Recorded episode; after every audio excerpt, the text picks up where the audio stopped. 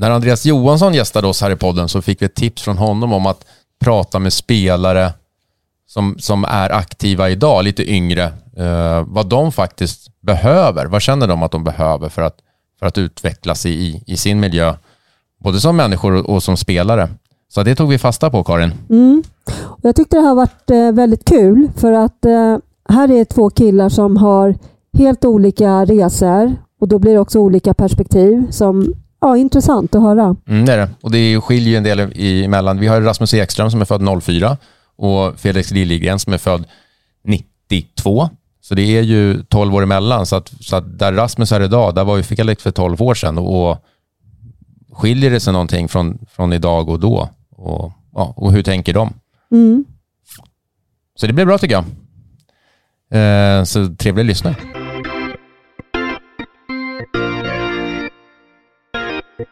Hej och välkomna! Rasmus och Felix har vi här idag i studion. Tackar. Tackar, tackar. Om vi börjar med Felix. Vem är Felix? Felix heter jag, Felix Liljegren, eh, 29 år. Eh, spelar hockey idag i Tyresö-Hanviken, eh, Hockeyettan. Har gjort en eh, resa därifrån från Djurgårdens ungdom eh, med skador och eh, ja, division 3-spel, division 2-spel och idag i division 1 eller Hockeyettan-spel. Eh, det är jag. Ja. Och Rasmus då? Ja, jag heter Rasmus Ekström. Eh, tillhör eh, Södertäljes hockeygymnasium. Och ja, varit där nu snart två år. Och eh, just nu så spelar jag i J20 där.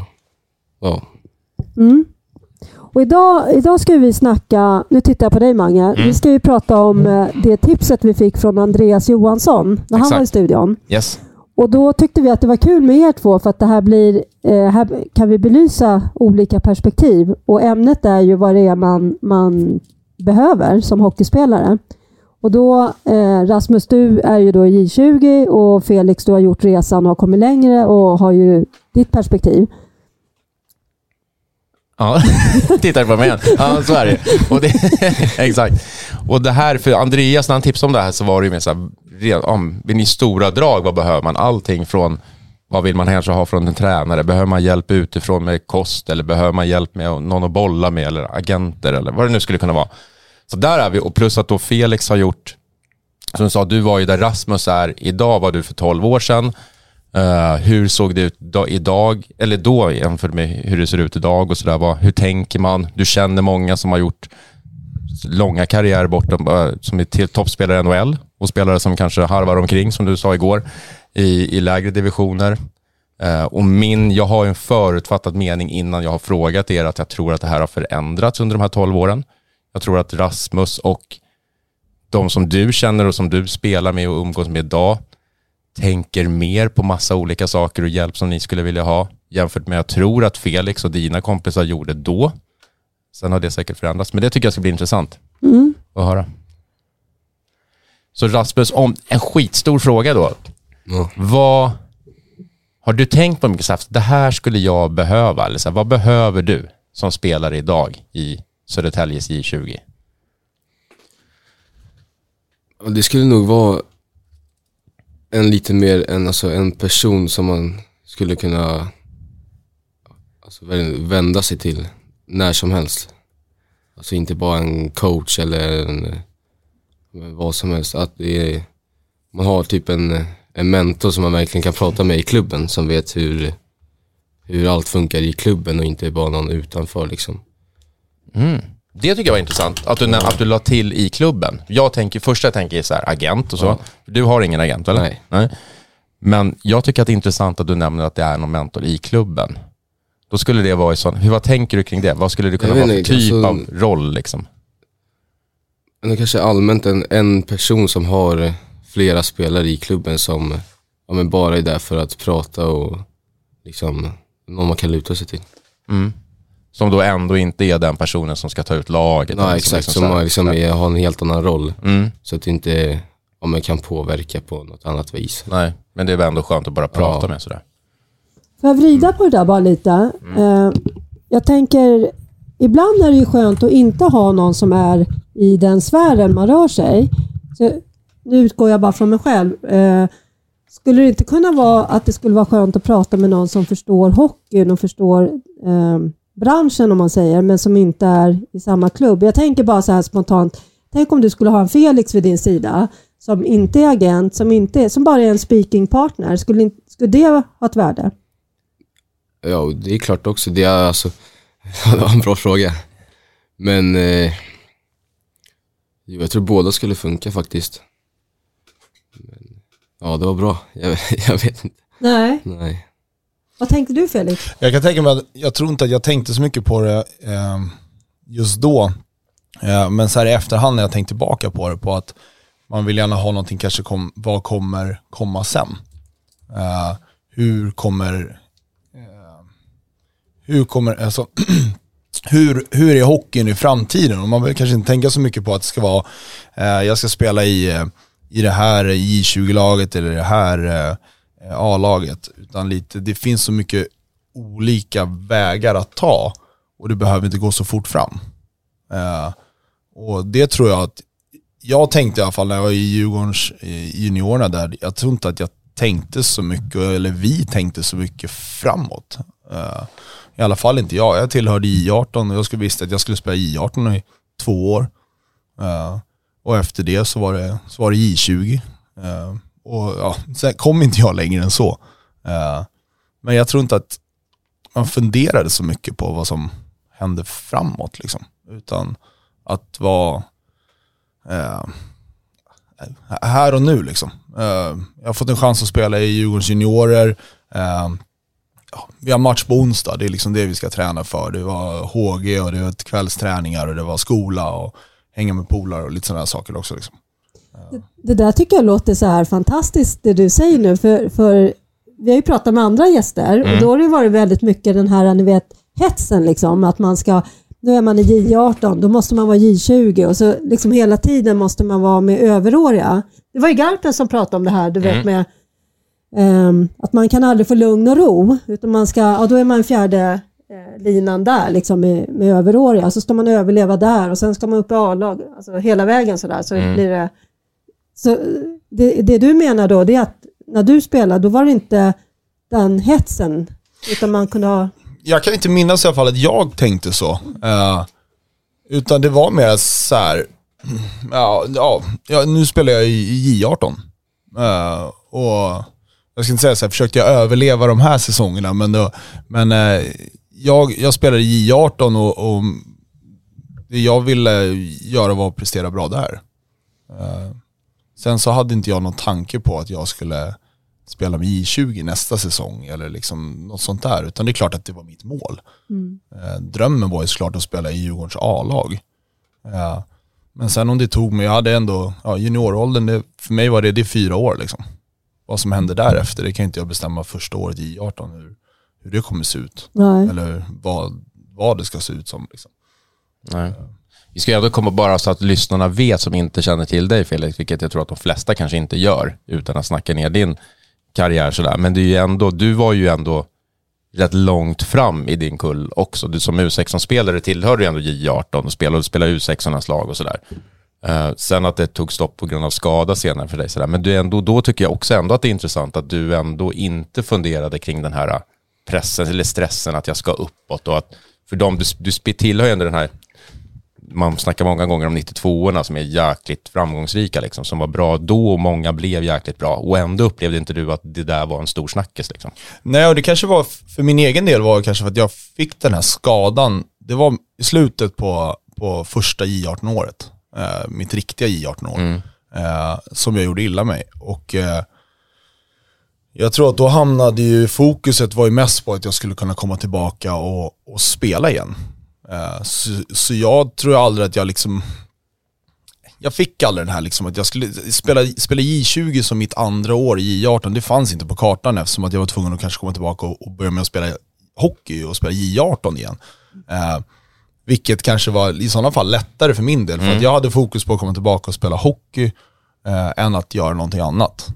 Eh, och det var väl kanske det som gjorde att jag liksom landade i att jag fick spela J18. Mm. Eh, och, där och då så, så gjorde det mig ingenting i och med att jag gick på, på rehab hela andra J18-året också i stort sett. Liksom. Mm.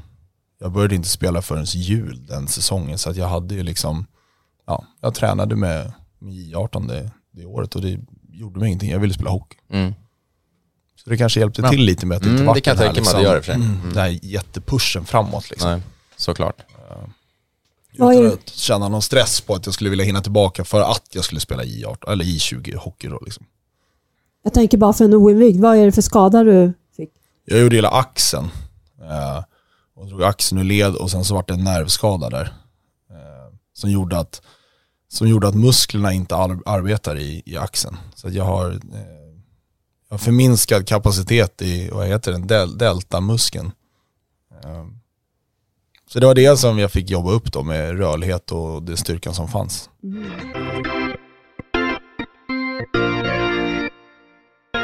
Vi är sponsrade av Athletic Work. Athletic Work är ett bemanning och rekryteringsföretag som hjälper personer med någon form av idrottsbakgrund på alla nivåer. Från idrotten får man med sig goda egenskaper som är viktiga på arbetsmarknaden. Viljan att vara bäst och prestera sitt yttersta på tävlingsplanen, som på arbetet, är det mål som Athletic Work och deras konsulter strävar efter. Athletic Works vision är att skapa ett idrottslag på arbetsmarknaden. Det har idag hjälpt flera personer ut på arbetsmarknaden och av egna erfarenheter vet jag att kontakt med Athletic Work faktiskt leder till jobb. Så om du letar efter ett nytt jobb, tveka inte att höra av dig på www.athleticwork.se. Tack Athletic Work!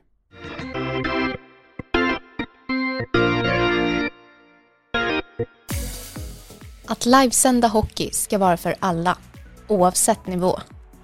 Med Solidsport kan din förening eller ditt lag tjäna pengar till lagkassan och samtidigt dela spänningen med era supportrar som inte kan närvara på plats. Över 500 hockeylag sänder redan sina matcher hos oss. Det är enkelt, kostnadsfritt och ni får en anpassad scoreboard. Så vad väntar du på? Skapa en kanal på solidsport.com.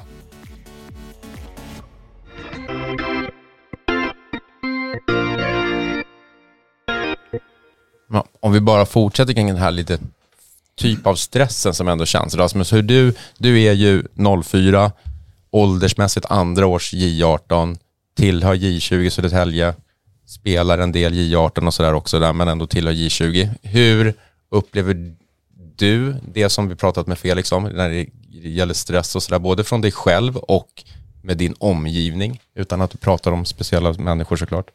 Eh, jag kan känna att det är helt, nästan helt annorlunda från det vad han säger. Mm. Eh, för att eh, det känns nästan nu som att alltså, alla vill uppåt. Och det känner man, eh, alltså, vem man än pratar med eller när man är i laget eller ja, men han får komma upp till J20 och varför får inte jag komma upp? Och så det blir som en stress i, genom alla känns det som. Så upplever jag det också, som är i verksamheten också. Inte i Södertäljes verksamhet, men, men i, i samma nivå. Liksom, så att just att det är lite grann sådär. Generellt sett i Sverige tror jag, det är inte bara i våra två föreningar. Liksom, Nej. utan att det är så här. Vad Känner du av dig själv? Ja, det är klart man känner av det lite själv. Alltså när det blir, men när det är så vanligt kan man säga. Mm. Att om jag ser att 04 är uppe i A-lag och Mm. eh, han går upp där och han går upp där, då känner jag, ja, men då vill jag också upp där. Mm. Det är så det är. Så är det. Vem pratar du med det här om då? Eller pratar tränare med dig, ledare, föräldrar såklart, men Ja, det är lite alla möjliga. Kanske mest spelare. Alltså i man laget. snackar så- ja. ja. men som känner av samma sak som du känner ja, av. exakt. Finns det någon som du känner så här, fan den här killen, han verkar ändå känna ett jävla lugn i så här, ah, men en annan 04, han kanske är kvar i J18 och det är ett lugn och, och gnuggar på och tar steg. Finns det sådana exempel? Ja, det finns. Det finns.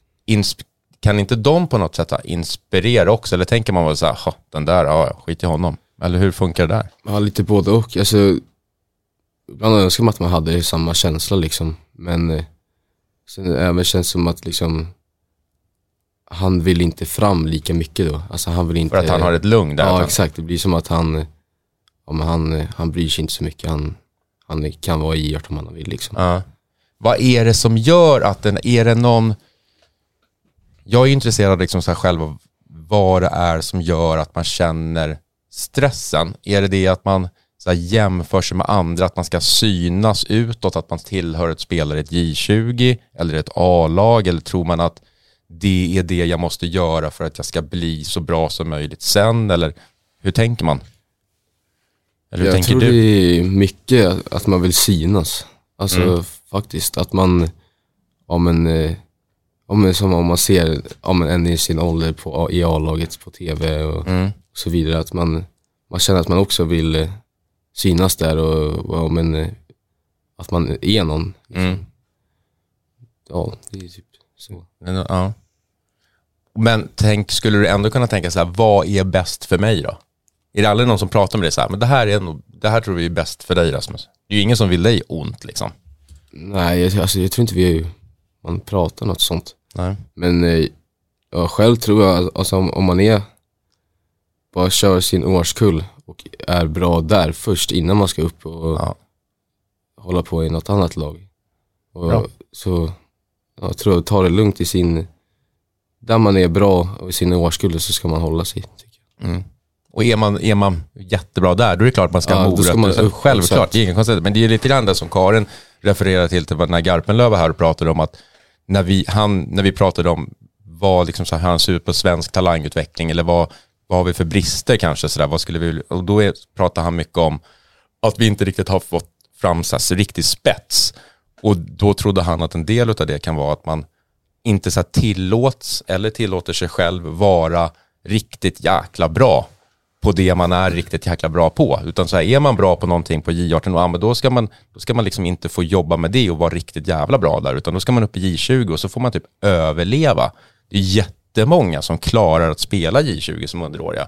Men kan de spela sitt spel då? Samma sätt så här, de som är tidigt uppe, många noll, eller många, en del 04 som är uppe i SHL idag eller allsvenskan. Ja, det är klart att de kanske har skridskoåkning och fysik och sådär, men hur mycket rör de pucken? Kanske någon gör det mycket, någon gör det knappt någonting. Är det utvecklande? Tveksamt i min värld. Ehm, så jag tycker det, det är en intressant grej och att det säga, skulle behöva spridas mer. För det är liksom, vad blir bäst för dig i slutändan? Det är det det handlar om.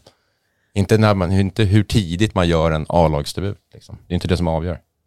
Jag tänker att det där också hänger ihop med landslagsuttagningar. Mm. För om jag är i, med överåriga, då kanske jag syns bättre för förbundskaptener, eller hur?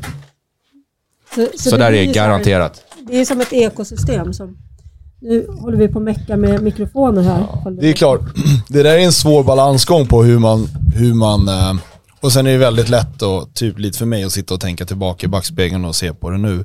Eh, Men eh, för att bli bättre så, så ska man ju träna med, med de bästa tänker jag. Mm. Eh, Men det behöver inte vara att man liksom ska göra det hela tiden.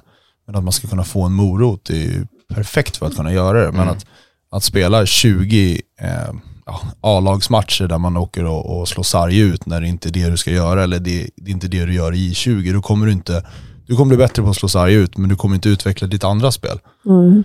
Eh, så då är det, ju- det blir en fin balansgång av att kanske gå upp och tävla och testa och mäta och sen så kunna komma tillbaka ett steg och, och utveckla det som, som har tagit en så långt som det har gjort. Liksom. Varför man är på den platsen där man är idag.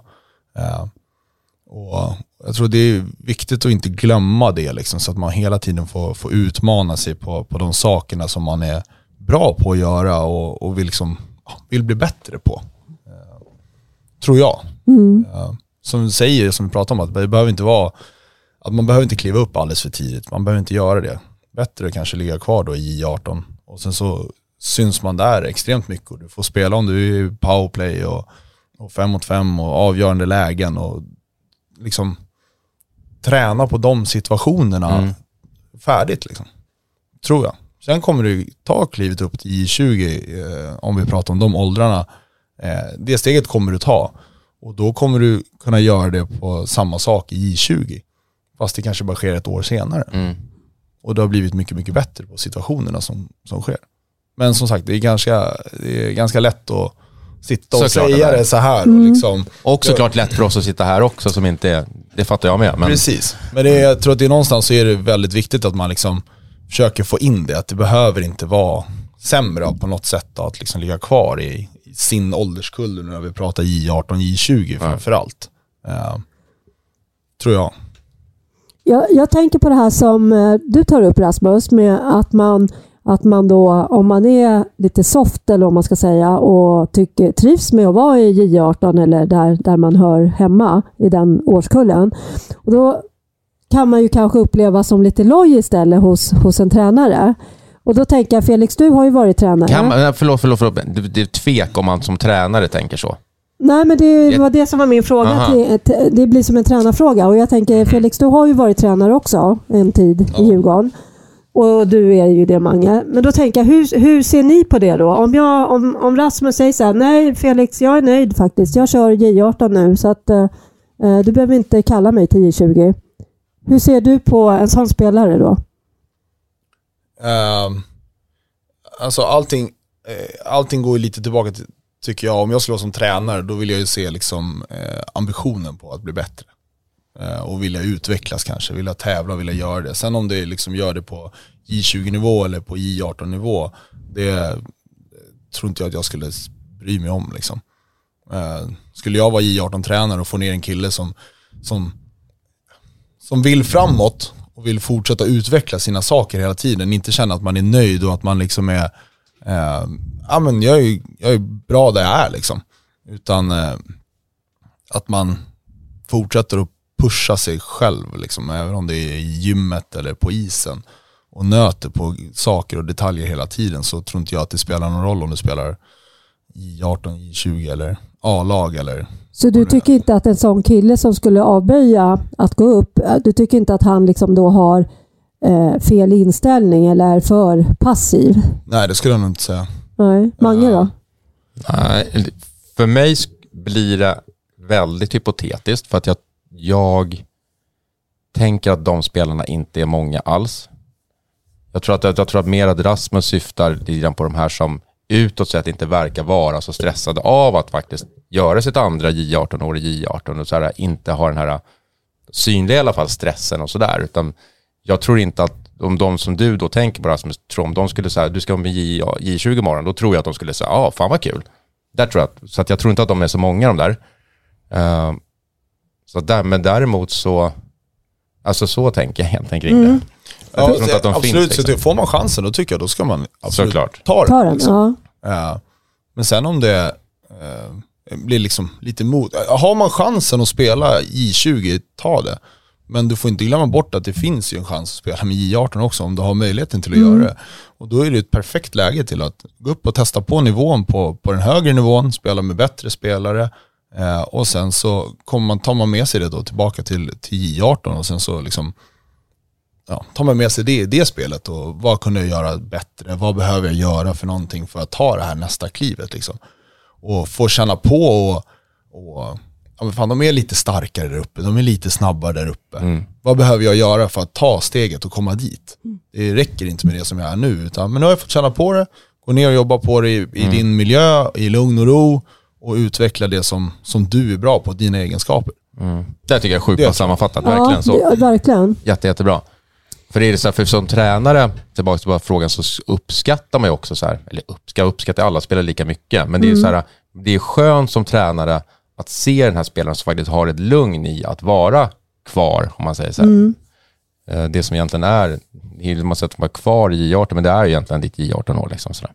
Alltså, det fant- bästa exemplet som ändå är en hyfsat ung från mina år i Djurgården är Lukas Vejdemo som tillhör 96-kullen. Som, det var många bra 96 liksom, med Djurgården och sådär. Och han var ju liksom inte den som var längst fram av, i den kullen. Och var, gjorde ju ett bra första J18-år och sen, men sen var det ju många andra som tog snabbt, nästan hoppar över andra J18 och sen är man uppe i J20. Medan han fortsatte chippa in varje dag, sjukt noggrann i allting och var ju så här dominant i andra J18-året. Och liksom gjorde klart det, var uppe och kände på 20 och sådär, men ändå i grunden J18. Och sen skenade ju liksom bara.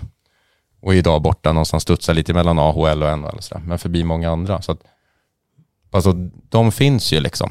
Det är ju ganska vanligt, det är kanske vanligare att Det jag ville Det komma åt med frågan, det var egentligen så här att om man känner att, som, som du sa Felix, det går lite snabbare, det, är lite, det krävs lite mer styrka och sådär.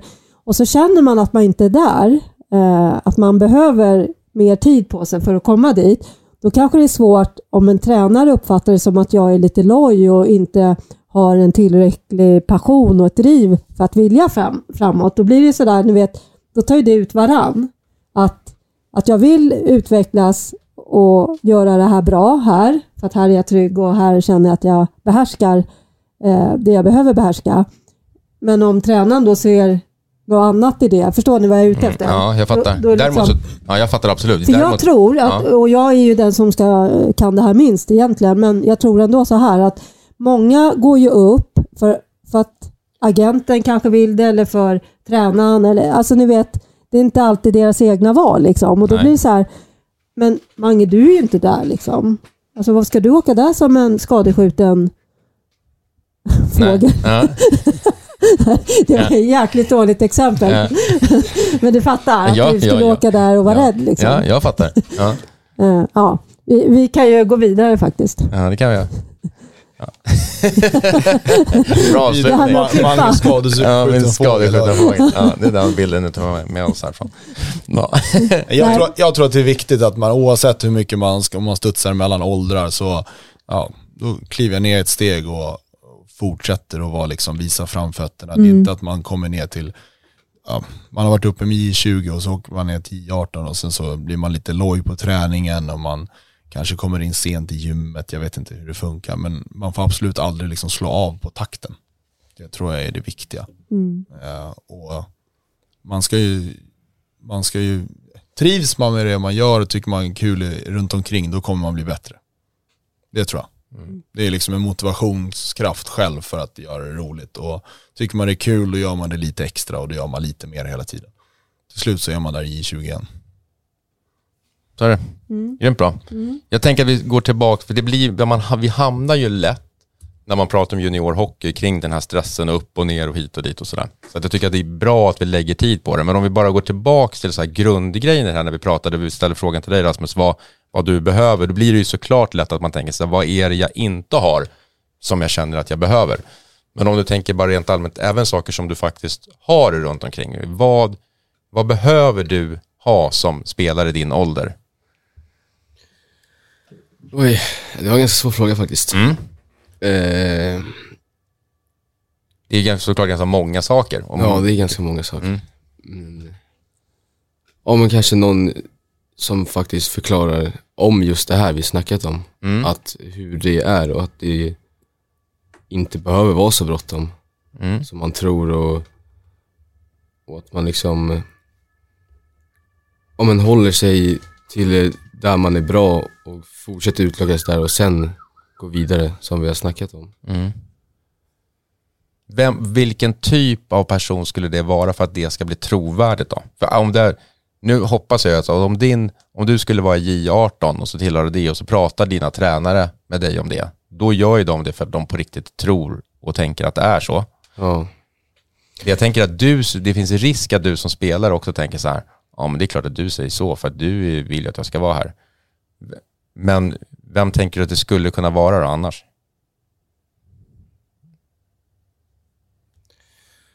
Ja. jag vet inte, alltså, jag, jag tror jag tyckte det var bra om det var från, från en coach. Mm. För att det är de ändå som coachar och väljer vilka som ska spela vart. Mm. Och att man lyssnar gärna på dem. Mm. Och tar till sig det de säger. Mm.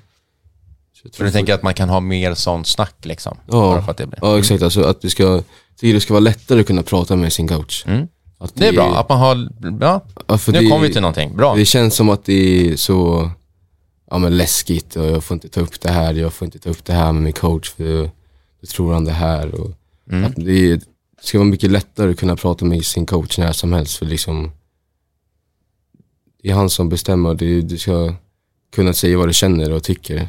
Utan att det ska straffa Ja, dig exakt, så eller exakt. Ja. Bra grej.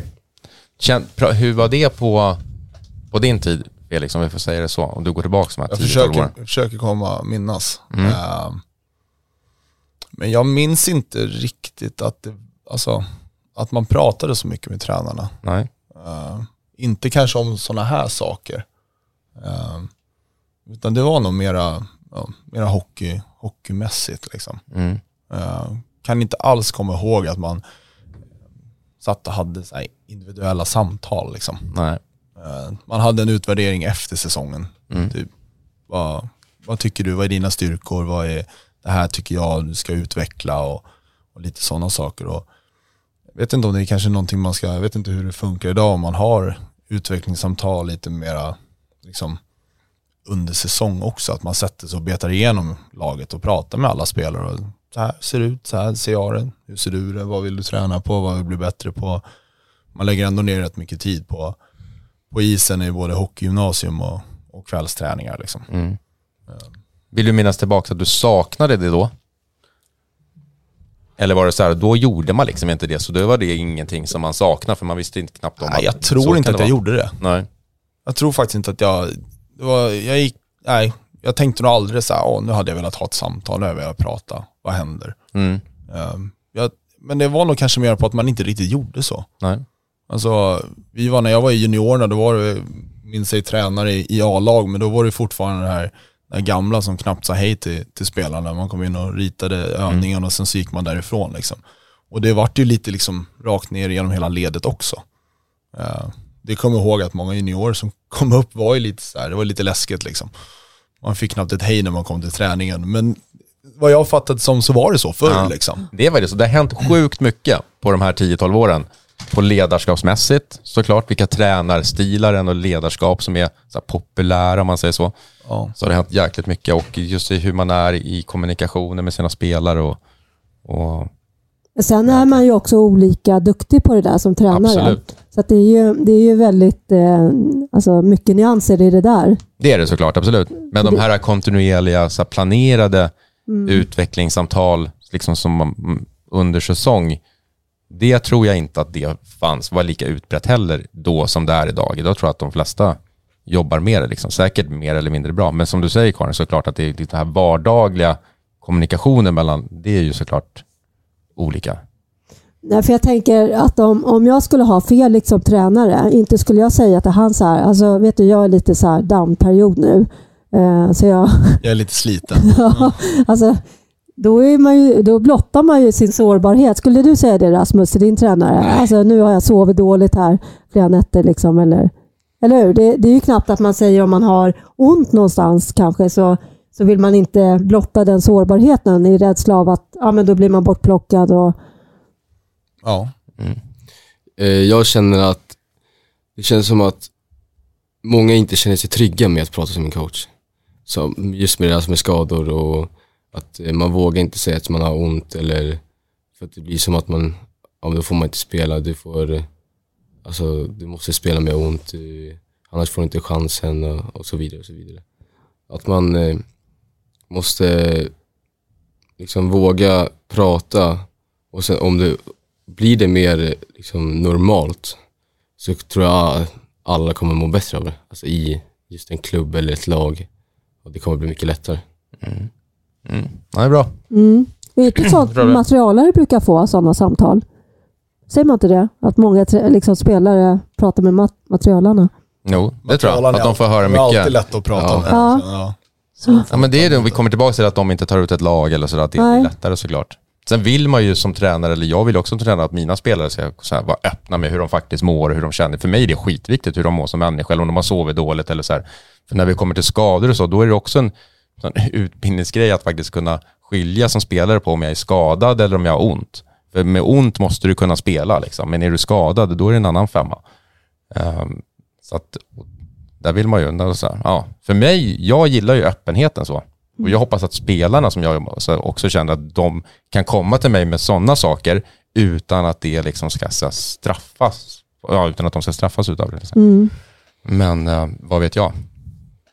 Men jag förstår tanken som från spelare. Ja, men jag, det är ju så lätt för mig att säga så här, så här vill jag att spelare ska känna, men det är ju inte säkert att de gör det. För jag fattar att man som spelare tänker sådär. Uh, Mm, bra. Ja, bra. Något annat, eh, Rasmus? Det här tycker jag var bra när det kom till att du faktiskt behöver en tränare som du pratar med, vilket du såklart kan ha också. Det här handlar ju inte om vad du har eller inte har, utan men så vad behöver du? behöver en, en tränare som du, som du känner att du kan snacka med om allt möjligt. Har en- något annat? Oj. Det är svårt faktiskt. Ja, det är svårt, men det som Det, också... det, det finns mycket man vill ha och Men som du har då, som du ändå som känns, det här får jag, det här behöver jag och det här får jag. Så kan det också vara. Om du funderar på den så ska jag ställa en annan fråga till Felix. Eh, vem är den yngsta hos dig i ditt lag där du spelar nu? Oj, nu satte du mig på pottan. Eh, Ungefär sådär. eh, Jag tror att vi har en 02, Ja, 01 i laget. ja okej. Då är man 20. Ja.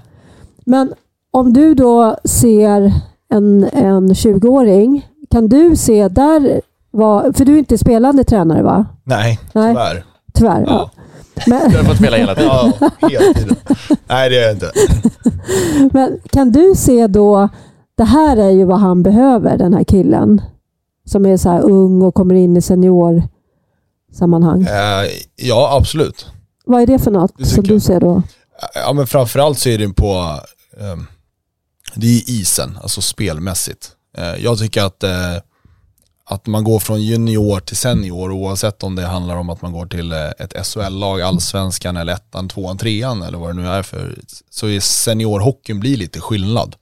Eh, man, möter, man möter spelare som har spelat seniorhockey på, på, på en högre nivå och länge, vilket gör att det blir lite mera position, position, positionsspel eh, och mycket, mycket erfarenhet i spelet. Eh, tycker jag man märker själv. Liksom. Eh, det blir mycket av att man ligger rätt i banan och sen så små saker som har med detaljer att göra i spelet. Hur man tar emot en puck, var man tar emot en puck. Eh, alltså det finns jättemycket utvecklingsmöjligheter hela tiden. Och om man, om man eh, släpper det här med själva den delen då, med hur man är på isen. Finns det något annat sådär som du tycker att fan, den här grabben skulle behöva hjälp med att förstå? Jättesvårt. Ja, eh, tycker jag på våra nivå. Eh, Vi spelar hockey på, på hobby liksom. Eh, alla i laget jobb, jobbar fulltid eller pluggar fulltid och sen så kommer man på kvällstid och spelar hockey. Eh, så det är jättesvårt att se ifall det är någon som behöver hjälp med den eh, mentala biten eller den fysiska biten. Och det är, mycket av det blir ju upp till en själv när man kommer upp på den här nivån. Hur man vill lägga upp sin sommarträning, hur man vill lägga upp träning under, under säsong, vad jag äter. Det är mycket individuellt liksom, upp, till, upp till dig eller upp till mig att göra det. Så det, jag, tror, jag tror att det är svårt. ja, Och sen är det alltid också så här, hur, hur mycket du vill själv. Är du nöjd med att stanna på, på etta nivå eller vill du liksom kriga därifrån? Vad behöver jag göra för det? Ja men då kanske jag behöver ha hjälp med den fysiska biten.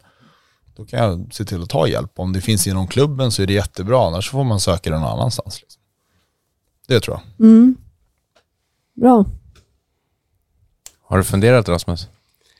Ja, ja men det är svårt men eh, lite som han sa också, lite med det här, kanske nu på isen, det är individuella. Mer än eh, som har liksom, ja, men lite mer koll på dig och hur du är på isen och vad jag kan behöva utveckla och på vilka sätt och vad jag kan göra för att utveckla mig på bästa sätt. På de här små detaljerna. Och ja, men hur, hur man ska gå tillväga för att utvecklas som bäst. Mm. Så mer egentligen, det, så det som du egentligen beskriver är ju alltså att träna också mer Ja, men en- på, på individnivå exakt. liksom, så att det inte bara så det blir både en lagmässig grej och individmässig grej. Så. Mm. Övrigt då, runt omkring, jag tänker typ så här mentala grejer, kost, alltså det kan vara andra grejer. Känner du sånt behov? Eller ni, de du, som du spelar med eller är runt omkring? Pratar ni om sånt? Jag inte, jag tror det är från alltså, person till person, mycket om det där. Hur mycket man kan och kanske vem man bor med, det kan göra mycket skillnad. Och jag känner själv att jag liksom har ganska bra koll på om vad jag ska äta för att eh, må bra, vad jag ska äta för innan match, vad jag ska äta för träning, vad, hur mycket och så vidare. Mm. och sömn. Men eh, jag tycker ändå kanske att det ska finnas någon i klubben som kanske just specifikt kan det här med kost och sömn och mental träning, vad stress, press, allt det där som man ändå kan, eh, ja, som man kan lära sig det av. För att just nu får man ju bara liksom tänka själv och liksom läsa eller Mm. Man får annat. söka den Ja, kunskapen själv. själv. Mm. Att man skulle kanske behöva hjälp med det för man är ju trots allt inte jättegammal och inte Nej. kan så jättemycket. Fullt naturligt. Saknade du det Felix? Nu, nu ställer jag frågan som att det inte fanns när du var junior. Ehm, Men nej, jag tror inte det. Eh, jag kommer ihåg min sista år i Djurgården där så började man med det här mentala eh, träningen. mm. Eh, och jag minns också att jag hade väldigt svårt för det. Eh, på det. vilket sätt? Jag vet inte om jag inte riktigt var, jag var inte riktigt mottaglig. Alltså, för jag, mycket sådana saker, ska man, ska man göra en sån här mentala träningen och hela den här biten så, så tror jag att man måste vara, vara redo mentalt. Mm. Lätt att säga så. Men, eh, och jag tror inte riktigt att jag, jag, jag trodde inte riktigt på det liksom.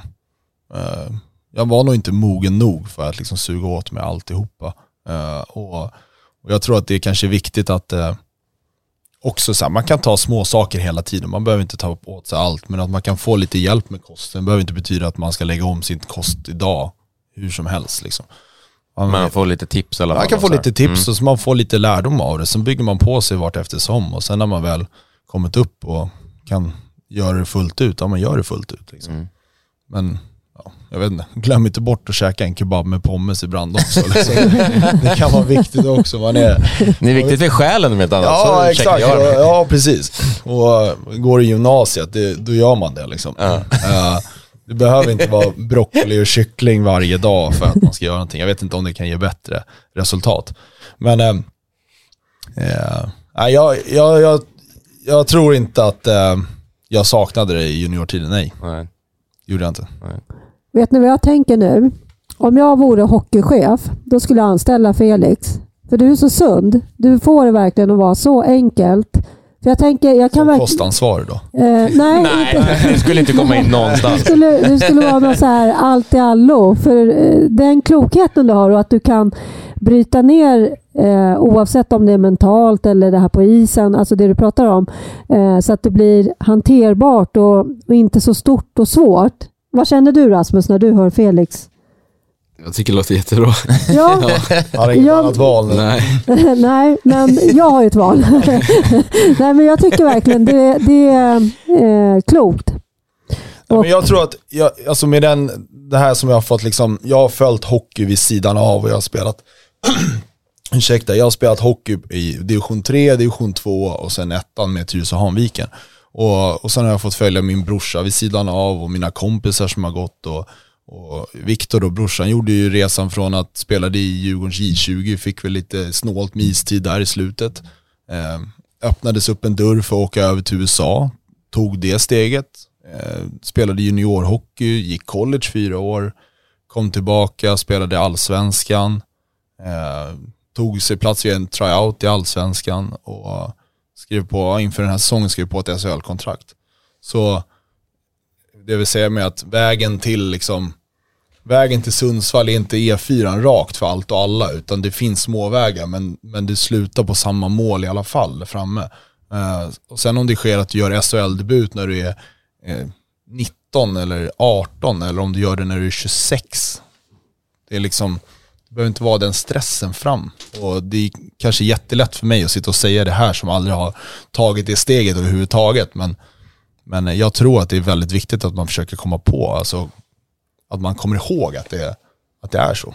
Att man försöker och gör det bästa du kan hela tiden så kommer det liksom komma framåt.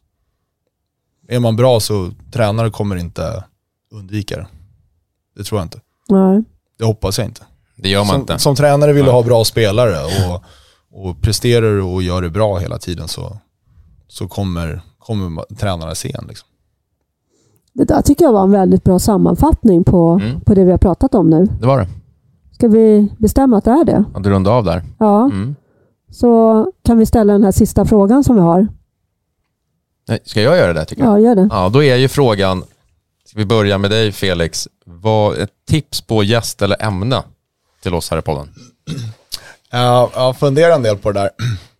Uh, Men jag, jag tror att jag skulle vilja höra, vem vet jag inte, men jag skulle vilja höra det uh, från domarperspektiv. Det är mycket snack om domare och det är det i varje serie kan jag tänka mig. Uh, Ända från SHL och neråt. Uh, Men domarperspektiv på, på hur man bedömer situationer, hur, hur det går till i deras rekrytering. Jag vet att vi spelare får ju sitta och, och gå igenom matchgenomgångar och, och vad man gjorde bra senast och vad man inte gjorde bra. Och, jag vet inte, funkar det likadant för domarna? Hur lyfter domarna upp till nästa serie? Vad, alltså, samma väg som spelare gör. Vad, hur går det till för domarna? Mm. Det är ju superbra. Ja, det är det verkligen.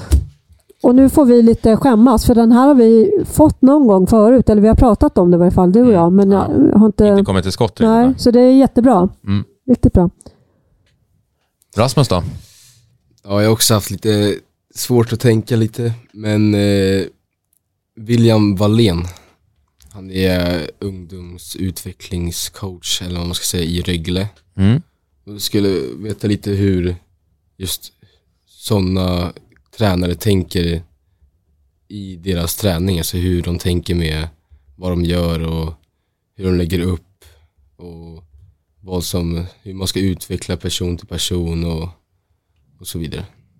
Bra, intressant. Det har inte kommit från någon annan tror jag. Jag Som vet tips, inte om det är, men... Nej, men det själva, du. även om inte det var just, ja, men jag tänkte Mm. rent bara det han gör. Och Ämnet, det, ja. ja, faktiskt. Skitbra tips. Snyggt grabbar. Jäkligt bra. Det här blev kul tycker jag. Tack. Det är ju, eh, man kan väl säga så här konstaterat, vilket jag i och för sig hade kunnat konstatera innan, att det har hänt mycket på de här 10-12 åren. Jag tror att det ställs helt andra krav från, eller förväntningar från spelare, på tränare, på klubbar, vad man behöver och vad man vill ha och att det snackas mycket mer kring det än vad det gjorde då. Eh, och att den här stressen och sådär också är mer påtaglig idag än vad det var förut. Men jag tycker att vi har fått ihop det bra. Så stort tack till, till er två, Rasmus och Felix, för att ni kom hit här idag. Tack, tack. Tack för att vi fick vara här. Tackar. Och stort tack till er som har lyssnat. Vi hörs.